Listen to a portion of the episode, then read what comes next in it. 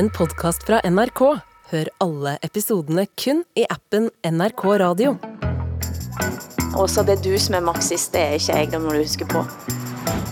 Politiker måste ju spela en roll. De kan inte vara mänskliga. Er det alle mennesker fra Trondheim, der hedder Trond, eller er det en tilfældighed? Norsken, svensken og dansken med Hilde Sandvik, Åsa Linderborg og Hassan Prejsler. Velkommen til Norsken, Svensken og Dansken, vår ukentlige panskandinaviske familieterapi med svenske Åsa Linderborg, danske Hassan Preisler og med Hilde Sandvik, klar til sjælelig og national dissekering. Og hvordan har vi egentlig haft det siden sidst, eh, Hassan? Jo, øh, hver, e-, hvert eneste år, sådan i februar-marts, så, øh, så vågner jeg op øh, en eller anden given dag og føler mig tung som et ondt år. Altså, jeg, jeg kan simpelthen ikke øh, komme ud af sengen, og jeg tænker så, nu ramte den mig den store øh, fundamentale depression. Øh, Men det viser sig jo år efter år, at det bare er pollensæsonen, som er gået oh, i gang. Ikke? Og det den er i gang, ja. allerede 9. februar er der øh, hassel og, og el blandt andet pollen i luften, så jeg er snottet og, hvad hedder det, forvirret. Ah, Jag har drabbats av samma sak. Jag känner ju också av allergierna så här års. Trots att snön ligger ner så... Ja. Jag förstår hur du har det, Hassan. Men hvordan, altså, er det sådan, at hele kroppen er tung da? Eller er det, altså dette høres jo mesten ut som når en får mensen, for at sige det sådan og sådan, for det er jo sådan, kvinder har til alle tider våknet op eh, en gang i måneden og tænkt, nå er verden så tung. Jeg forstår ikke dette. Hvorfor er jeg så deprimer- deprimert? Og ja, Ja, men det var så- bare Men mensen. så skal du bare forestille dig, at den her mens kommer fra alle træerne omkring dig. Ikke? Ja. Så der er mens overalt. Altså i luften, i, Ja. på bordene, på stolene, på bilerne, på cyklerne, på dit tøj. Overalt er der mens. Uff, uff, uff. Jag blir, det rinner i ögonen och eh, näsan. Och så tror jag att jag blir förkyld och så blir jag påmind om att faktiskt våren börjar mycket tidigare än man tror. Ja. Og hvad med dig, Hilde? Du har jo ikke pollenallergi, dit naturmenneske. Nej, jeg har ikke det altså. Uh, nej, jeg vet ikke helt. Uh, på en måte så har jeg det godt, og det har jeg jo på en måte sagt også et par uker, at uh, det er noget med at koncentrere sig om de tingene i, i livet akkurat nå som er bra, men så kender jeg jo at jeg blir overvældet av en eller anden uro, som bølger op indimellem. Eh, fordi verden er, er så gal, rett og slett. Eh, og det er en sånn, jeg, jeg tænker jo hele tiden at jeg møter så fine mennesker rundt, jeg får mødt og hørt så mye, jeg får bli kendt med så mye, og så dukker det op sådanne troll i atmosfæren, holdt jeg på at sige, som stadigvæk minder mig på, at verden er fuldstændig koko. Altså, eh, i går eh, ser jeg nogen, som nå begynder at spekulere om, at, eh, at eh, i Tyrkia er et stort våben, som nå er taget i bruk. Altså, folk begynder jo at blive helt sprø, rett og slett. Altså det, og jeg, jeg känner att det påvirker mig på en lidt speciel måte. Jag är också väldigt, väldigt påverkad och eh, jag hörde FN-chefen eh, Antonio Guterres tal häromdagen. När han säger att eh, jag är rädd att vi går in i ett, ett bredare krig med öppna ögon. Det är inte så att vi blundar och inte förstår utan att med öppna ögon går vi in i, i en tid med ett mycket bredare krig än det som redan är. Och det gjorde mig helt eh, vettskrämd. Jag tänkte jag som gick i så många demonstrationer på 80-talet mot eh, kärnvapenkapprustningen. Och nu pratar man om ett kommande kärnvapenkrig som faktiskt är en realitet. Och jag blir helt lamslagen. Jag förstår inte vad jag ska göra. Men altså, han har jeg næsten sluttet at høre på, det må jeg bare indrømme. Ja, jo, men det är, det, jeg som Ja. det är ju det som är problemet tror jag. Att vi slutar faktiskt lyssna på, på varandra. Och, och går in i våra egna grupplerier eller vanföreställningar. Passivitet är liksom tidens eh, tecken skulle jag säga. Men jag samtidig förstår, så- själv, ja. jag förstår samtidigt inte vad ska jag göra. Jeg tror det var det som gjorde, at jeg for eksempel rejste hjem til mine forældre. Jeg har jo sagt, at min far eh, har gryende Alzheimer, og jeg tænkte, jeg er nødt til at høre de historierne eh, fra da de voksede op, for det var en veldig speciel tid. Jeg må gøre det, mens folk husker. Så jeg var, havde en lang samtale med min far og min onkel, rett og slett. Og det, det er kanskje mitt svar på, hvad kan jeg gøre nu? Det høres kanskje lidt absurd ut, og det er veldig smått. Men det är faktiskt det. Men jag märker på mig själv att jag är, också, jag är väldigt, väldigt oroad och tar ut, tar ut den här oron på, på, på irrationella saker. Eh, Den här mm. veckan har jag ägnat mig åt något väldigt arbetsamt. När jag bytt router, eh, mm. nytt wifi hemma. Det har påverkat min skrivare, min printer. Det har påverkat så mycket. Det blir en sån här dominoeffekt. Och ni vet hur värdelös jag är på teknik. Jag förstår ju ingenting. Eh, och eh, min man är inte så himla mycket bättre heller. Och alltså, den, den aggressionen som jag får fram och frustrationen. jag nästan gråter. Det handlar egentligen om oro över världen. som, som liksom kanaliseras ut i denna stackars router, en bit plast med lite sladd i. Ja, det har varit mm. jättejobbigt. Och på detta ja, men, ska jag... Men... Ja. Ja, men på den måde så reflekterer, hvad hedder det, undergangen jo, jo hinanden, altså den, den helt nære digitale undergang, og så den globale. Men, men jeg har jo også, jeg har jo sådan en indre FN-chef, som hver eneste nat skriger i mit indre, at jorden er ved at gå under. Ikke? Og jeg har lært mig selv, at man, man skal ikke lytte til sine øh, alarmister. Vel? Øh, fordi hvis det er, som FN-chefen siger, det er, altså denne her måned taler han om en forestående atomkrig. Ikke? Sidste mm. måned talte han om, at vi alle sammen drukner lige om lidt på grund af de øh, det, den stigende vandstand. Ikke?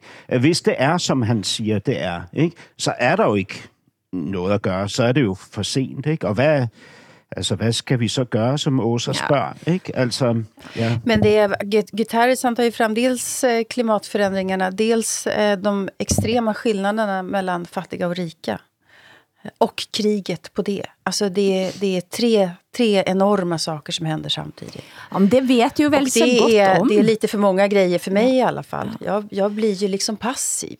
Mm. Trots att jag kommer från en familj där man alltid har kämpat och tagit strid och organiserat mm. sig och liksom forsøgt. Ja, men, men altså spørgsmålet om, er, om ikke hver generation har sine tre store sager, som, ja, det er... som giver en en forestilling om, at, man, at, at, at netop ens egen generation vil være den sidste på jorden. Ikke? På Nej. den måde, så er der jo et, et slags kollektivt storhedsvandvid i, i Nej, den men det var inte riktigt så efter andra världskriget med den nya ungdomsgenerationen. De fick arbete, man byggde ut utbildningen en helt ny kultur växte fram bara för dem. Alltså, det var en framtidsoptimism som var enorm. Och det är ju den vi inte har idag. Och det är ju den som högerpopulister, populister överhuvudtaget, lyckas fånga upp. Alltså längtan efter en tid, inte till 50-talet i sig själv, men längtan tillbaka till en tid när det fanns en framtidsoptimism. När man trodde på framtiden. Ja. Det gjorde man då, det gör man inte nu. Ja, det kan godt være, at der var den, den form for optimisme i 50-tallet, ikke? men jeg, jeg har jo kun levet i 70-tallet, 80-tallet, 90-tallet, 0'erne og 10'erne og, og nu 20'erne. Ikke? Og jeg, jeg må sige, at for hver årti, så var der jo, øh, så fandt man jo sin egen øh, bekymrende teori om, at øh, jordens undergang var nært forestående. Ikke? Altså, Ja, men jeg, jeg... Det jeg synes er det værste, er at vi nå, eh, fordi det er så mye alarmisme, det må vi bare rett og slett kalde det, eh, så er vi villige til fire på alle de princippene, som faktisk også bragte oss dit. Det er en av mine største uroer for tida. Fordi nå ser det så ut som at både i Sverige og i Norge så tænker man at vi, man kan stramme ind på ytringsfriheten, eh, mens verdensdrama tar jo ikke pause, og Tyrkia oplever vanvittige katastrofer, og grusomme katastrofer. Så virker dansen rundt den tyrkiske småkongen Sultal Erdogan rett og slett til at tilta. Uh, og det synes jeg blir, det er vanskelig at ta ind. I Norge så sa politiet nej til brænding av Koran foran tyrkisk ambassaden, og begrundelsen som man gav var at man ikke kunne uh, vite om, eller man kunne ikke sørge for at det ikke kan komme uh, reaktioner fra Al-Qaida og IS. Mm. Altså, det betyder jo i praksis at en hver terrorist kan true sig til både det ene og det andre, fordi man da vil, altså da vil politiet kunne sige, nej, dette, dette kan vi ikke tolerere. Altså, da blir jeg veldig urolig, altså. Det må jeg indrømme. Ja, det blir jag också. Och eh, nu i, i Sverige nu så har ju polisen förbjudit en, eh, en eh, koranbränning också utanför Turkiets ambassad. Mm. Eh, och alldeles nyss så var det tillåtet. Altså her siger man faktisk at det er voldsmandens veto. Man har slået det fast en gang for alle. Det är precis det man gäller. säger. Exakt det säger man. Och eh, saken är den också att har man väl börjat eh, nagga yttrandefriheten i kanten så finns det ingen återvändo. Utan har man börjat så kommer man att fortsätta. Mm. På område efter område. Mm.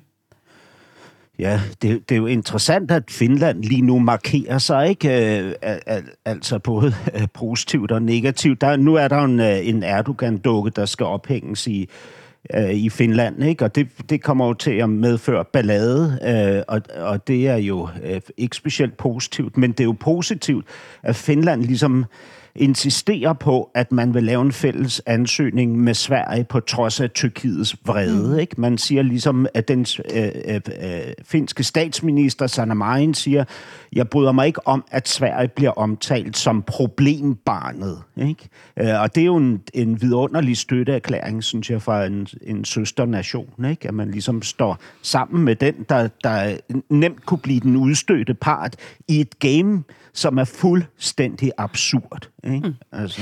Förra finska statsministern Lipponen, han, eh, han skrev en stor text häromdagen i Helsingin Sanomat där han säger att nu får USA ta sitt ansvar för hur Turkiet beter sig.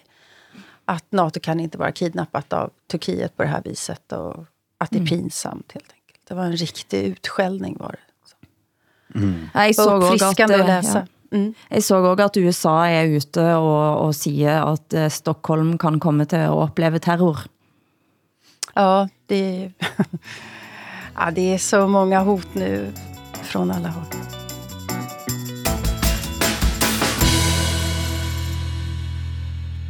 Men sist uke snak vi at vi ville snakke om korruption. Transparency International havde lagt frem liste Korruption er et mangetydig begreb. Eh, tyveri av politiske, sociale og økonomiske goder fra befolkningen er en definition. Vi fik jo en veldig lang eh, og grundig liste fra en lytter i Sverige, som tar frem både den ene og den andre saken fra eh, offentligheten, altså ting som er kendt. Ja, det var en fin lista som en lyssnare kom med. Eller fin, den var, den var grundlig. Altså her er det politikere, som er politianmeldt etter at have givet byggelov i strid med detaljplan. Eh, det er 11 personer, som er dømt for bestikkelse, altså mutbrott. Politichef, som giver en eh, kæreste anstil, anstelling, altså ansættelse og våpen. Eh, men så er det de store sakene, som har handlet om i det sidste, nemlig et kupp det har varit turbulenta dagar efter att åtminstone en gängkriminell närvarat vid ett medlemsmöte där kommunstyrelsens ordförande Ebba Östlin i Botkyrka röstades bort förra helgen. Eh, I Botkyrka, ett politisk kupp, Åsa, og det er du nødt til at forklare, hvad det er som skedde. Titlen går handler om altså politisk parti i Botkyrka som eh, samhandler med kriminelle netværk. Mm se om jag kan reda ut det här. Det är, ehm, eh, alltså Botkyrka är en förort till Stockholm, en drabantby tror jag det heter på norska.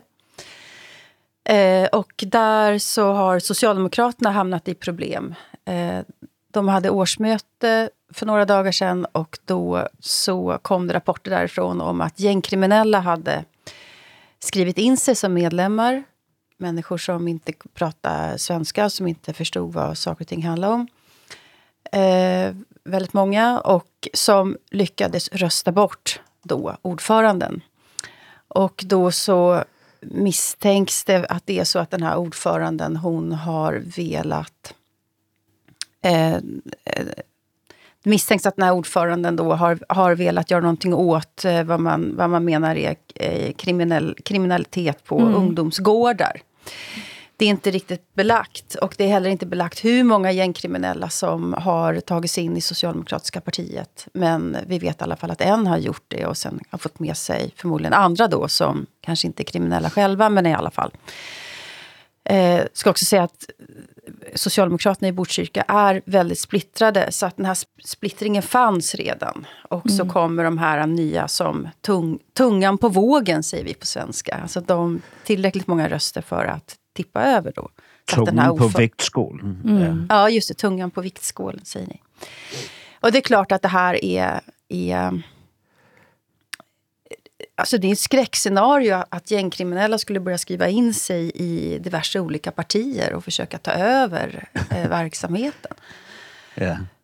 Eh, man misstänker att det är 15 procent av rösterna som de lyckades eh, behärska. Och det är ganska, Shit, mand. Ja, det är ganska avgörande ja. helt, helt enkelt. Eh, och då är också frågan nu om Socialdemokraterna har känt till det här eller inte. Och då menar ju polisen att det har de gjort. Socialdemokratiska toppolitiker har känt till det här.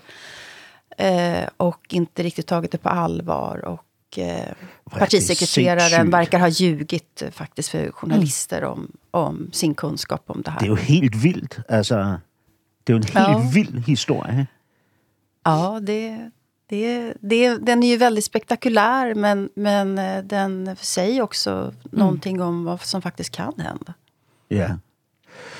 Ja, man tænker jo også på, jeg kan ikke lade være med at, altså vi, nu prøvede jeg ligesom at grave lidt ned i den danske, hvad hedder det, antikorrupte tradition, hvor stammer den fra, og det er jo to konger i fortiden, ikke, som op igennem første halvdel af 1800-tallet slog ekstremt hårdt ned på korruption. Ikke? Mm. Øh, altså den mindste type svindel blev straffet med fængsel på livstid. Ikke? Mm. Og så indførte man øh, en masse nye regler for løn og pension til embedsmænd. Ikke?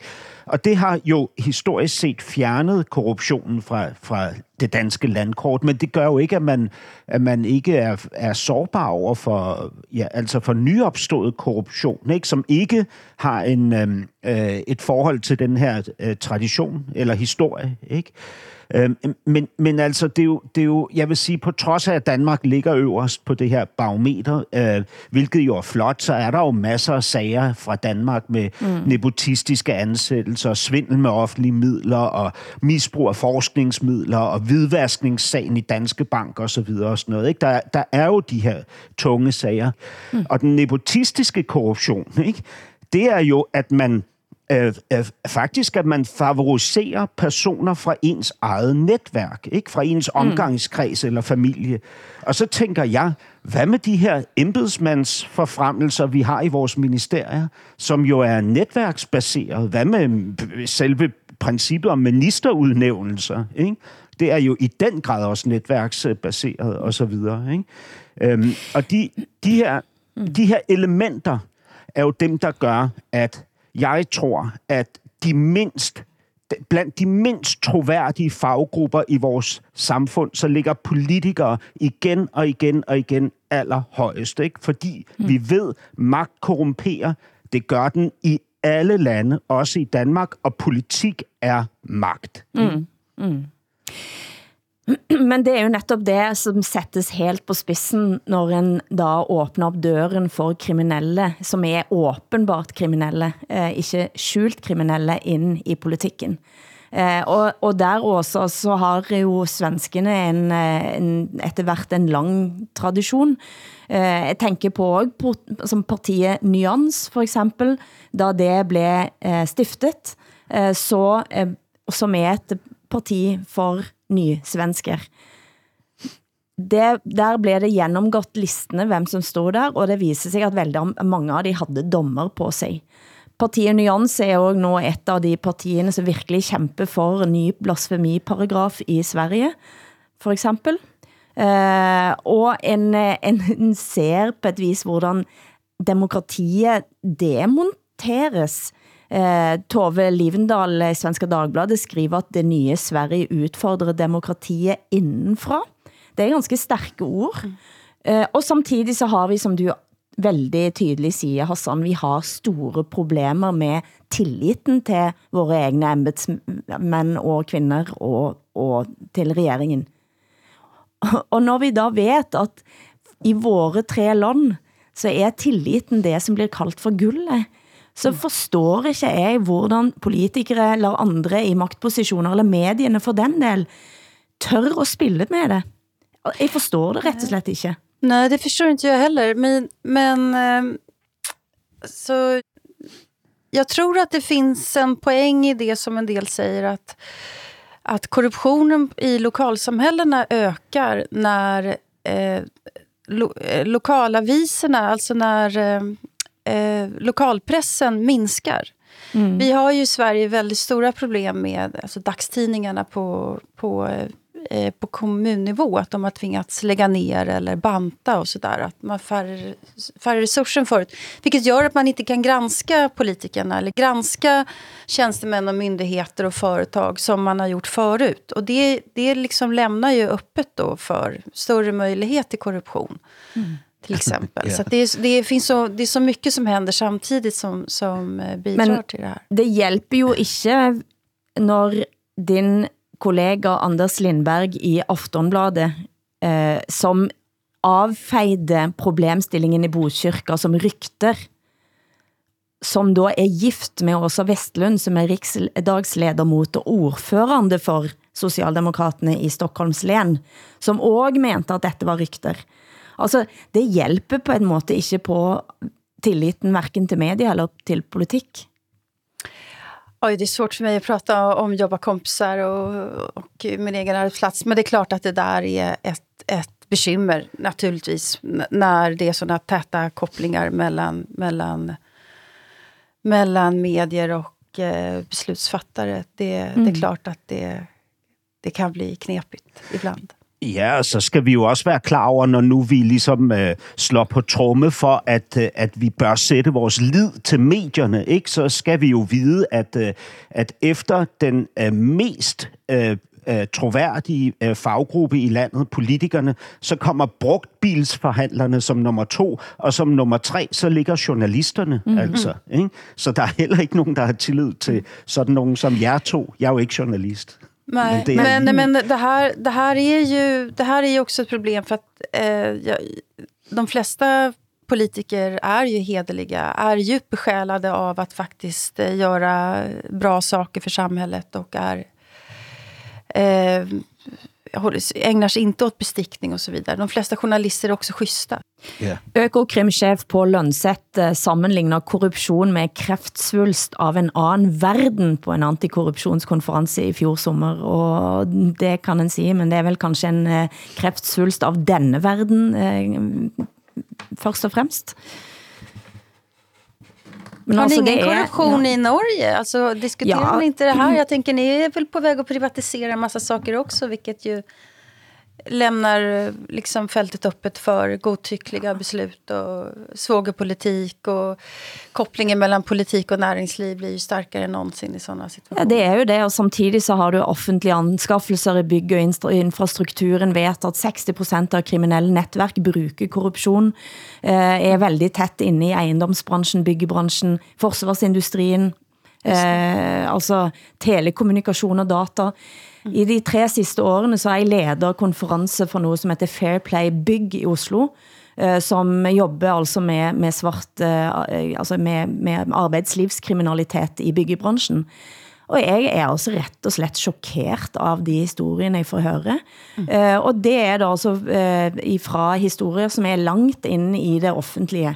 Uh, uh, bruk av uh, kriminelle netværk, uh, rett og slett til store bygge, offentlige byggeprojekter. Men det andre er jo at det vi nå ser er at eh, lidt sådan under radaren eh, så privatiseres eh, ja, oljen for eksempel. Eh, mm -hmm. Aker BP, som får nå tilgang på gigantisk oliefelt, der eh, Norge og vi skattebetalerne betaler for, eh, for letingen for eksempel eh, hvor havner de pengene til slut? Altså det er en sådan følelse, at det er en sådan glidning i alt det, vi har tænkt på som, som solida og fast, eh, som, som eh, jeg gerne skulle ha sett en mye, mye større og bredere debatt rundt.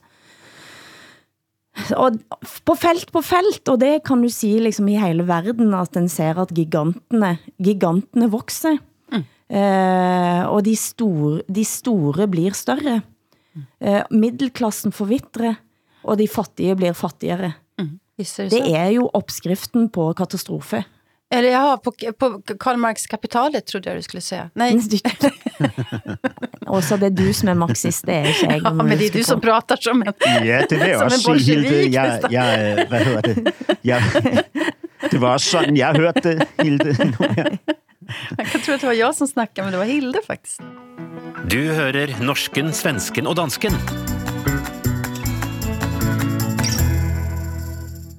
Trond Giske, husker dere Trond Giske? Nej. Ja, hon, han Nej. var nästledare, alltså han var vice partiordförande i Socialdemokraterna och sen så eh, drabbades han av metoo-revolutionen och försvann i Norge. Ja, og, og, og måtte gå av. Men starter sitt eget nye lokalparti Lag Nidaros. Hjertelig velkommen til årsmøtet i Nidaros. Jeg skal først bare gjøre noen praktiske ting. Eh, Det er å konstituere møtet. Eh, Og først må vi få avklart at møtet er lovlig innkalt. som altså er i færd med å få stadig mer makt. Eh, Det är uppe i Trondheim. I Trondheim, Nidaros er det gamle navnet på Trondheim. Trondheim er i utgangspunktet Arbeiderpartiet stærkt. Mm. Eh, nå lurer kommentatorer på om Trond Giske er Norges svar på britenes tidligere statsminister Boris Johnson. Eh, fordi han eh, med sin, eh, sitt lokallag nå eh, har klart at presse sig ind på den eh, politiske dagsorden eh, med saker folk er optaget av. Eh, strøm, eh, blandt andet energikrisen eh, og så videre. Eh, og har altså i ly av eh, dette lokallaget bygget op eh, noget ganske kraftfuldt, 3000 eh, medlemmer på veldig kort tid, eh, som nå ser ut til at influere på den lokale partivalget der oppe. Altså rett og slett ned på, hvem skal sitte som leder av Trondheim lokallag. Eh, men som også truer Støre Eh, på den måten at han blandt andet har sat satt ultimatum om at ha eh, klar energikommission før landsmøte i Arbeiderpartiet. Men det som er også ganske morsomt, er at folk melder sig ind i dette lokallaget og blir rett og slett grættende, når de får en videohilsen fra Jonas Gahr Støre. Eh, fordi de melder sig ind i Arbeiderpartiet, og de, næsten som de ikke vet at det er Arbeiderpartiet, de melder sig ind i. Eh, de, melder sig ind i stå, de melder sig ind i Trond Giskes parti. Okej, för att man kan, man kan gå med i Trond Giskes lokalförening var man än bor i Norge, eller hur? Ja, det er det man er, og så melder man sig ind der, og så får man en videohilsen fra statsminister Støre, og det vil de ha sig frabedt. Som är, som är Giskes eh, antites då i... Kan man säga. Det ja, men det, är ju, det, är ju, det är ju morsomt. Vi har ju något liknande parti i, Sverige, eller lokalföreningen och Socialdemokraterna som heter Reformisterna. Som också är att man kan gå med från hela landet eh, i den föreningen för att driva Socialdemokraterna åt vänster. Jag kan förstå om man från, ja, är det hot? Alltså jag tycker det här är så intressant med Trond Giske. Jag har ju liksom följt honom i flera år här nu, sen metoo-rörelsen och så. Jag pratade med Björgulf Brånen på Klassikampen igår för att jag ville liksom veta hur ska man förklara Trond Giskes framgångar eh, nu? När han har varit skandaliserad med metoo och sådär. Och, då, och då så säger Björgulf direkt att det handlar om hans fantastiska sociala patos. Mm. Och att han, att han är otroligt duktig liksom på att förstå och känna, känna människor och uttrycka det. Men Björgulf säger också att att med, med eh, Trond Giske så är det väldigt mycket retorik och inte så mycket politik egentligen. Att Trond Giske själv har sagt så att det problemet med Socialdemokraterna det är retoriken. Men att eh, politiken är faktiskt inte det som är det mest prioriterade att ändra. Om jag, om jag minns Björgulf eh, rätt här, jag hoppas att jag inte citerar honom fel.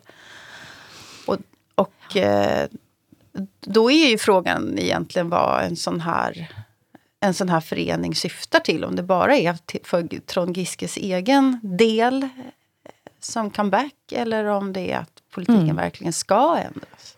Spørgsmålet er om han er taktisk eller strategisk, eh, og det som sker nå er at han blir tatt som, altså man tar eh, mannen eh, fordi det er jo selvfølgelig let at gøre, når det gælder eh, Trond Giske, mens det er politikken eh, man burde diskutere. Og da er jo et av svarene der, er at mens han var næstleder i Arbeiderpartiet, så var han ikke på denne venstre siden eh, så tydelig som det han påstår, at han er nå, for eksempel. Ja, men det er, jo, det er jo vildt nok, fordi han, i, han står jo i den grad i kontrast til, til Jonas Gahr Større, som jo virkelig er en tør kiks. Ikke? Mm. Men, men altså spørgsmålet er, om, om de tør kiks ikke egentlig er dem, vi burde kaste vores kærlighed på. Ikke? Altså, jeg må sige, efter alle de her år med Mette Frederiksen, som jo performativt øh, gør det øh, fantastisk, ikke? og som jo øh, hvad hedder det, er, er villig til ligesom at forlade principperne for magten og så videre, ikke? Så, så, så savner jeg den type politikere, som Jonas Gahr Større er, altså som er øh, øh, som primært står for politik, ikke? og ikke for performance. Altså, øh, tør, jag- de tør, jag har lite de tør kiks. Ja. Ja, s- vad, vad, vad betyder törrkex? Tørkex. Torrkex? En kex. En Ja. ki- Ett kik- torrt en- kex? Alltså Ja. ett kex? Jaha. Biscuit. Aha. Nej, det, det ordet det använder inte i Sverige eh, på det där viset. Jag har svårt att knyta Jonas Gahr Støre till någon särskild politik faktiskt. är det inte det, som är problemet med, med, med Støre? Det jag tycker är intressant med Trond Giske det är att han, prof, han profilerar sig åt vänster och vinner väldigt många anhängare. Det skulle inte ha gått om han hade profilerat sig som en höger socialdemokrat. Då hade han inte fått några medlemmar. Det finns ett sug efter vänsterpolitik inom socialdemokratin. Tolkar jag det som.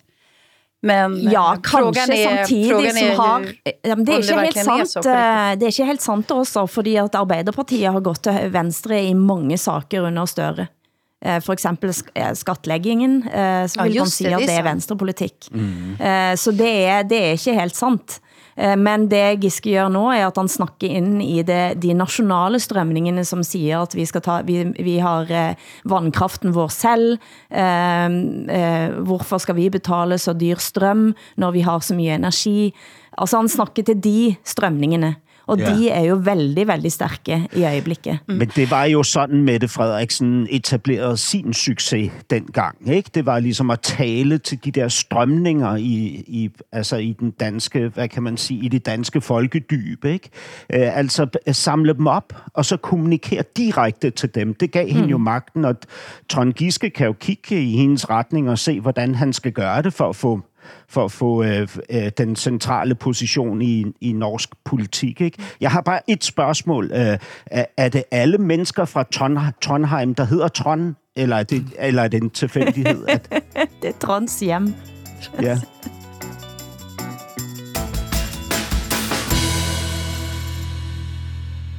Kjent præst havde sex og intime forhold med kvinder, som opsøgte han i livskriser. Det lignet et klamt mønster. En torsdag formiddag i slutningen af marts 2021 skridtede fire kvinder over de toppede brosten ved Bispegården helt inde i midten af København. Hver af dem bar på en hemmelighed. Her begynder vår serie om MeToo i Folkekirken. Det skrev netmediet Zetland, og hvad er saken, Hassan?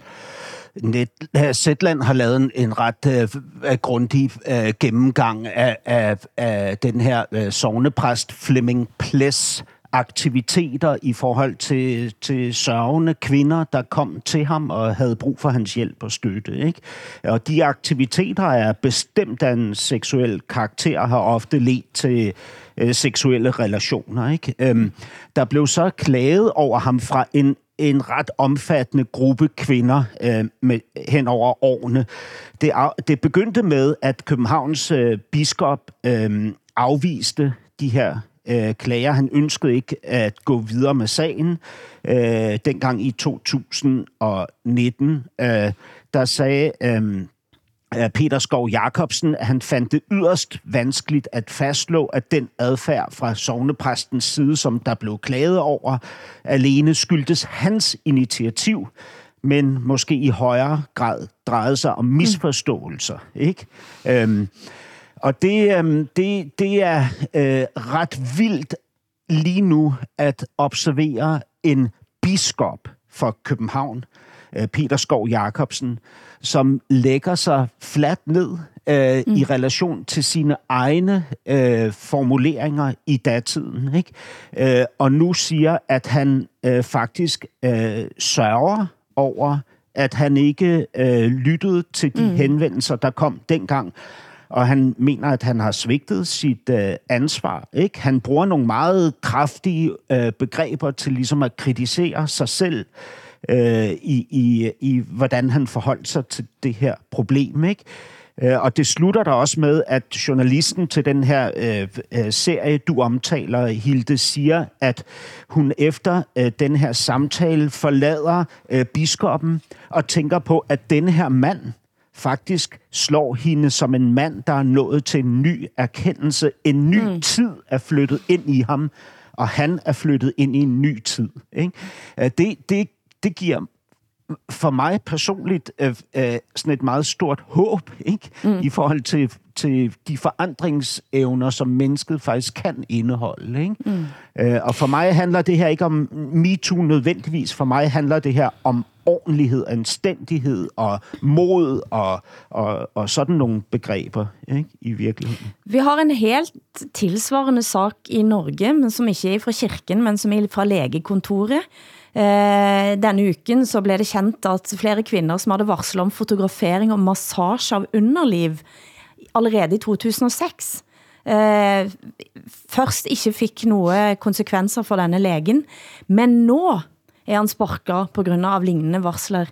Og der siger kommunen, som er Frosta kommune, at eh, vi hørte på han den gangen. Eh, det skulle vi ikke ha gjort. Vi trodde det var sant. Mm. Eh, og det er den type vending av hvad man tror og indbilder sig sker i det lukkede rummet. Og der tænker jeg at eh, de kvinder, som gik til denne præsten eller til denne lægen, eh, har vansker med at bli hørt. Fordi svarene har været så tydelige og konsekvente, og nej, selvfølgelig har jeg aldrig gjort dette, og jeg er jo en gudsmand, eller jeg er jo en legeetikkens mand, selvfølgelig eh, behandler kvinderne på, på god, godt vis. Yeah. Jag tänker, jag som har kritiserat metoo-revolutionen så mycket för att den har varit rätt så säker och sådär. Jag blir ju ändå eh, stum av glädje faktiskt. När jag märker att metoo-revolutionen har betytt någonting konkret när det gäller att man lyssnar på kvinnor nu som man inte yeah. gjorde förut. Yeah. Där har den betytt någonting som är helt avgörande. Yeah.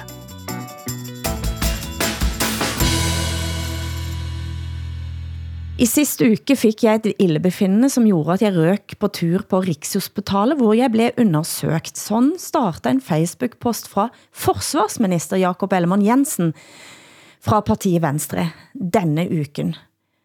Forsvarsministeren er ret slet sykmeldt eh, i Danmark, eh, Hassan. På grund av stress, øh, eller på...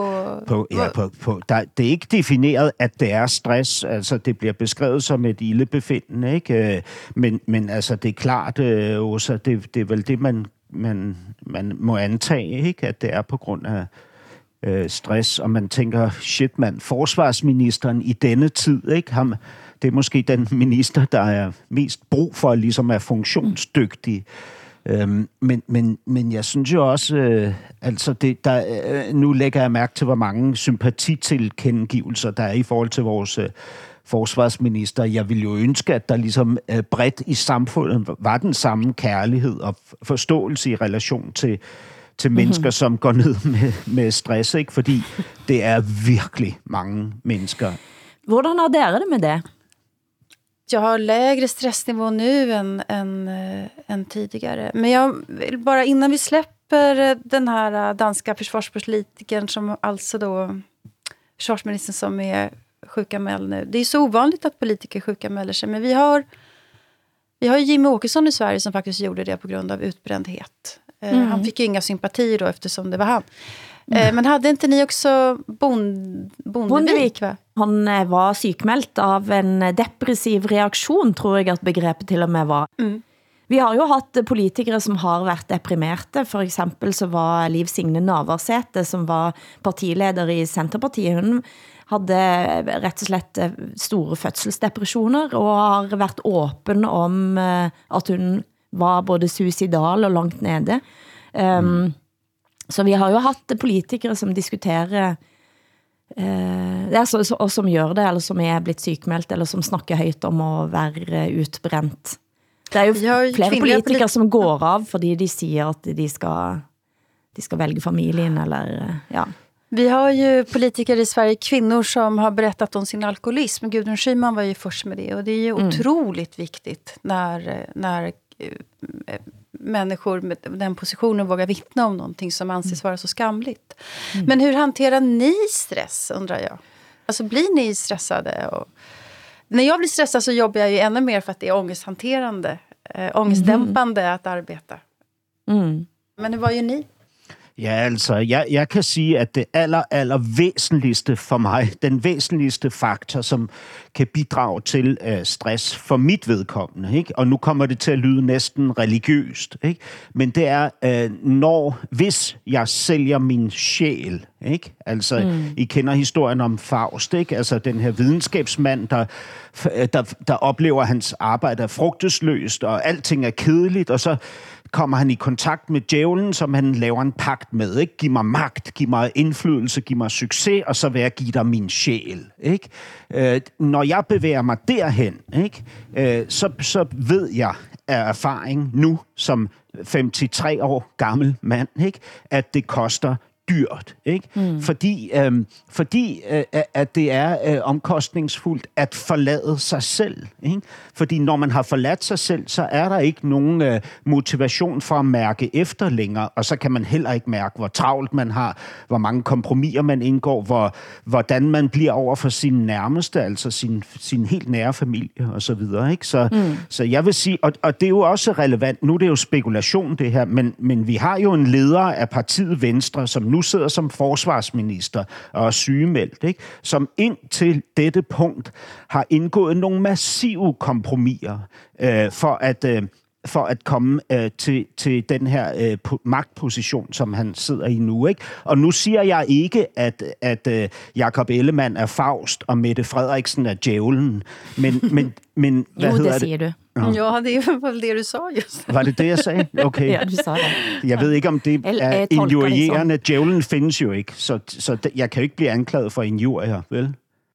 Nej, men jag kan tänka privat, alltså, det, det händer ju ibland att jag eh, när jag pratar eller skriver kompromissar lite grann av hänsyn till andra människor. Eh, när, att jag inte riktigt, jag, jag tänker att jag försöker alltid ha sanningsanspråk men så, så märker jag ändå att jag kompromissar. Kanske jag gjorde nu när vi pratade om Botkyrka och Aftonbladet till exempel. Så mår jag lite dåligt av det. Tänk att vara politiker då, där man faktiskt måste kompromissa för att, man, för att politiken inte ska köra fast, utan man måste gå vidare, man måste fatta ett beslut. Och hela, att vara politiker är ju faktiskt att både kämpa för någonting men också göra avkall på det man tror på. Jag skulle gå sönder faktiskt i en sån Også situation. Ja. Nej, jeg kunne, jeg kunne aldrig have været det, og de gangene jeg har blitt eh, er ordentlig stresset, jeg tror jeg har en ganske høj terskel for stress. Eh, men de gangene jeg blir ordentlig stresset, så er det når jeg... Eh, når jeg blir, holdt jeg på at se, når jeg blir mer en figur end et menneske. Ja, Altså når jeg, når jeg kender at jeg agerer på nogle ting, fordi det blir ønsket av mig, eller Just jeg er i en situation, der jeg blir spejlet, altså jeg utstår det ikke. Ja. Og jeg tror det er derfor jeg liker godt at jeg for eksempel bor i Bergen og ikke bor i Oslo. Mm. Uh, og jeg, jeg forholder mig veldig fint til Oslo. Jeg, jeg liker godt at være der. Jeg har ingenting med hovedstadsforagt. Men man er i situationer, der jeg kender mig som et dårligt menneske. Uh, og det kan jeg ikke være i så længe.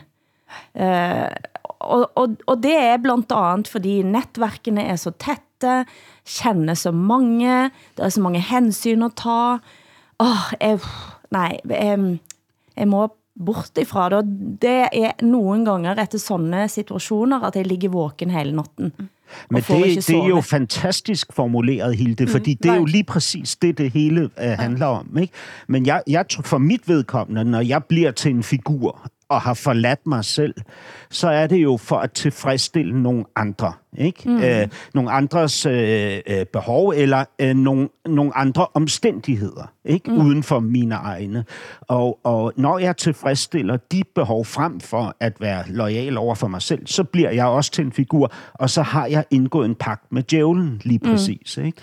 Men tänk då att vara politiker, för att politiker måste Du må ju spela Mm. en roll. De kan inte vara eh, mänskliga rakt igenom. Eh, därför att vi vill inte ha sådana politiker som visar för mycket känslor.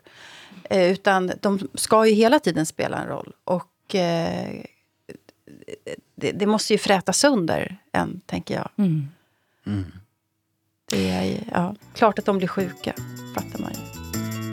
Du lyssnar på norsken, svensken och dansken. Skandinavisk familjeterapi. Vi må holde oss lidt længere i Danmark, Hassan. Verden brænder, men i Danmark går folk ut i gatene og protesterer av helt andre årsaker. Blandt andet at en butikkæde Irma blir lukket ned. Irma lukker. Er det noget, I har en holdning til? Ja. Jeg må ikke sige det. Altså, min barndom forsvinder fuldstændig med et hug her, hvor jeg er 80, altså. Jeg kommer til at savne Irma. Jeg elsker Irma. Jeg synes, der er større problemer i verden, øh, så det er ikke noget, der har fået mig helt op at ringe. Men jeg elsker Irma, så jeg vil da gerne have den blev. Va? Demonstrerar de mot att en butikskedja läggs ner? Ja, altså, ja. Men jag förstår inte, vem, eh, vem riktar man sig mot? De som inte har handlat där eller de som äger affären eller Jamen, och inte vill ha den längre? Alltså vem är... Man gråter også. Man gråter. Jamen, altså, det, men, Men jeg tycker ju om att handla på Irma, kan jag inte göra det längre nu? Den är Irma, ner. sig hvad Irma er altså en butik, som er Jamen, I- grundlagt i på 1800-tallet. Jamen, I- Irma er, Av er, enkefru Scheppler.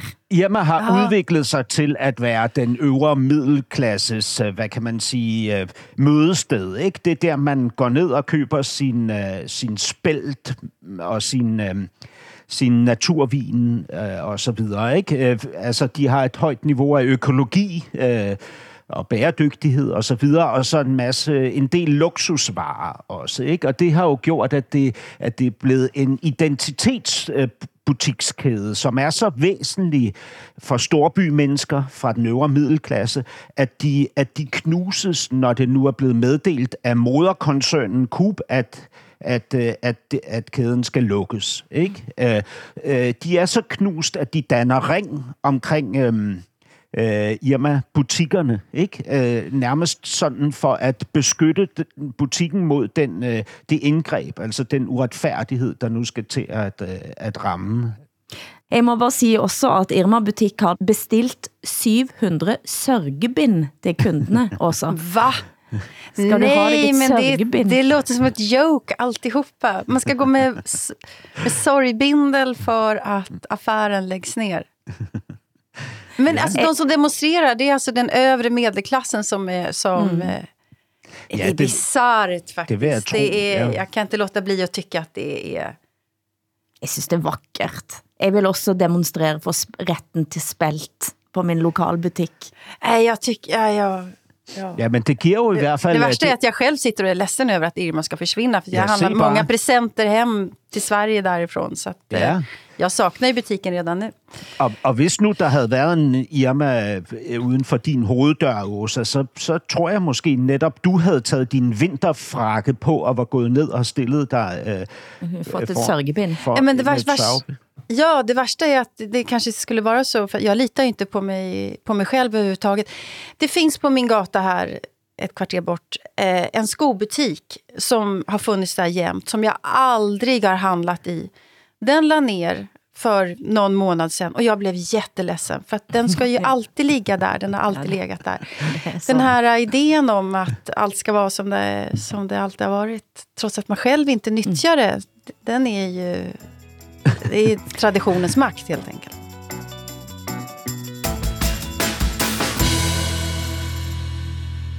Vi skulle ha snakket om den andre kampen, som danskene er inne i, nemlig kampen for at beholde bededagen. Ja, det er jo en sammenlægning af alle de her små bededage, fordi man mm. fandt ud af, at det faktisk var ekstremt belastende for samfundet rent øh, økonomisk Bøn. og praktisk, ikke? At, have, at have bededage hele tiden. Ikke? Så nu har vi i Danmark, som det eneste land i verden, den her ene store bededag. Ikke? Böne, bönedagen Ja. som är Mm. en, en helgdag, en röd dag hos er. Och den ska alltså läggas ner för att man ska betala de ökade militärkostnaderna, eller hur? Ja, øh, det, det er det, som er forslaget. Helt ja. klart, men der er jo skiftende forklaringer i forhold til, hvad det er, den skal finansiere den her øh, nedlægning. Ikke? Så vi, vi ved det ikke helt. Det vi, det vi kan se, det er, at rigtig mange mennesker er gået på gaden i, i en demonstration, hvis omfang jeg ikke øh, har, har set mage siden min ungdom. Ikke? Mm. Øh, og, og så tænkte jeg sådan, jamen hvad er det nu? Ikke? Og så, så læste jeg, øh, at, at en, en fagforeningsformand øh, øh, øh, sagde sådan her. Prøv at kigge ud her. Vi har fat i en sag. Fagbevægelsen lever. Der er ja. sammenhold, der er fællesskab, ikke? Og så tænkte jeg, ah, det er derfor, man demonstrerer, fordi denne her ene dag om året, som nu bliver, øh, hvad hedder det, øh, taget fra os, ikke? Som helligdag, det er ikke nok til at få mit pis i kog, i hvert fald. I Sverige så har Sverigedemokraterna föreslagit att man ska betala NATO-medlemskapet genom att avskaffa första maj. Mm. Eh, så att det, de tar rygg på, på Danmark här ett alternativ skulle ju vara att man kan finansiera det här genom att beskatta de rika, de som Hilda alldeles nyss får ut mot här. det är min politik, kan.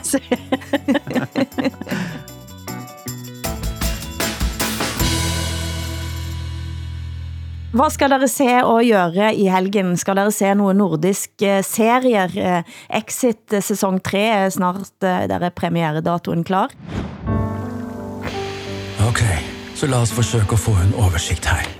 Norge, paradis for en som meg, etablert, rik, hvit. Skogbranner, isbreer og Greta Thunberg, forholdsvis uinteressant. Hun kunne blitt en fantastisk merkevare om hun ville. Produkter approved by Greta, folk hadde kjøpt som blinde høns. Reklamefilmer med øystater som senker, kjøp Gretas caps. Mennesker som drukner i Middelhavet. Jenter i Afghanistan får ikke lære å skrive og lese lenger. Sorry. Jeg sier at jeg bryr meg, men det gjør jeg egentlig ikke. Och den længter jag efter. Ja, den tynne blå linjen, Hassan, den går eh, på både norsk og dansk eh, TV. Jeg har selvfølgelig sett den. Har du?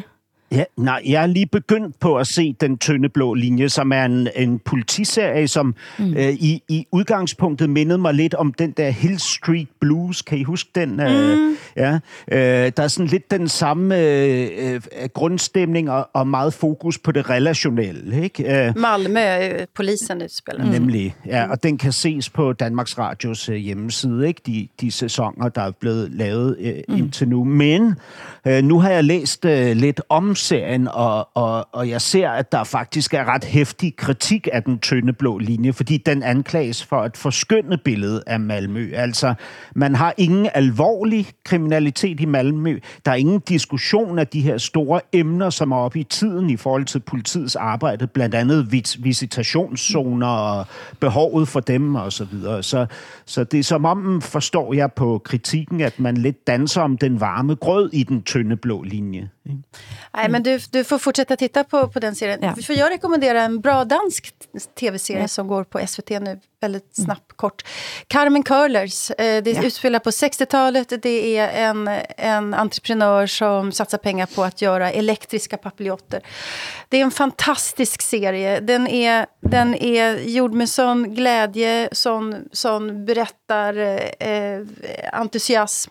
Djupt allvarlig samtidigt. Sorglig energirik. Det är ett mästerverk faktiskt. Den tycker jag alla ska se. Tack Danmark för den. Jeg har begynt at se den eh, også. Jeg har begynt se. Visst er det bra? Vi skal diskutere. Ja, den er, den er søt. ja, men altså, vi går ut på, tror jeg, nå Sara Larsson, denne svenske artisten, som nu har skabt furore i Sverige med at sige, at hun vil at folk skal snakke på bioen i kinoen. Hun synes det er grejt, hun sitter selv og snakker undervejs i filmen. For støtte fra Ruben Østlund. Hvad synes vi egentlig om det? Eh, vil vi at folk skal snakke i kinoen, i bioen? Alltså jag har varit på, bi på bio i USA, det kanske ni också har varit. Det är ett jävla liv inne i salongen. Det är jättemorsomt, det är kul att vara med om det. Men ja. i Sverige jag vill att alla ska vara tysta. Det värsta jag vet är när de prasslar med godispåsar. När de tar upp mobilen och det oh, skiner upp. Yeah. Tyvärr gör jag ju det själv. Men jag tycker inte att andra ska göra det. Altså, jeg, jeg går aldrig i biografen, øh, fordi jeg bryder mig ikke om at se tv sammen med fremmede mennesker. okay. ok, du da Hilde, hvad tykker du? Nej, jeg vil jo at folk skal, jeg vil jo ikke at sånne irriterende folk skal sitte og snakke. Eh, men, men ellers er jeg for eksempel jeg sånn som synes det er fint når folk sitter og snakker højt i telefonen om private saker på, på bussen og tog og sånn. Det er sånn som jeg synes er helt topp, men som jeg vet at andre irriterer sig grønn over. Ja, ja, jeg synes det er helt nydelig. Nej, men gud. Jeg, og så kan jeg, altså, det sætter i gang så mange tanker, hvad, hvad, hvilke, hvad slags person er dette? For jeg har lyst til at blande mig ind, og det synes det er helt topp. Men kan vi ikke, vi går ut på Symphony av Sara Larsson, ja. da, så kan vi, men jeg skal bare hente popcornet først. I've been hearing symphonies.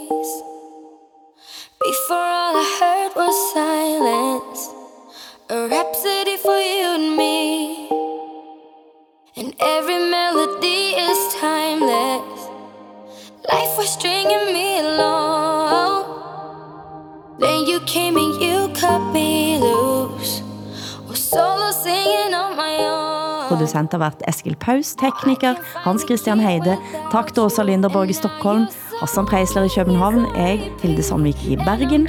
Programmet er produceret av både og for NRK, SR og DR, der redaktør for programmet er Ole Jan Larsen. Og vi høres igen om en uke, eller du hører norsken, svensken og dansken når du vil på SR Play, DR Lyd eller NRK Radio.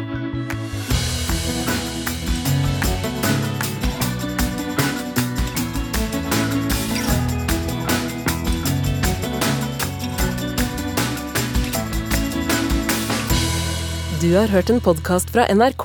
Hør alle episodene kun i appen NRK Radio. Hele historien.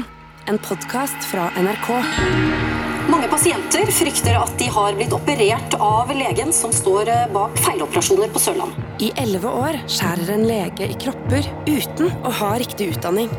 Så sier han bare det er koldbrann. Og så var det bare til med kniven og så kutte.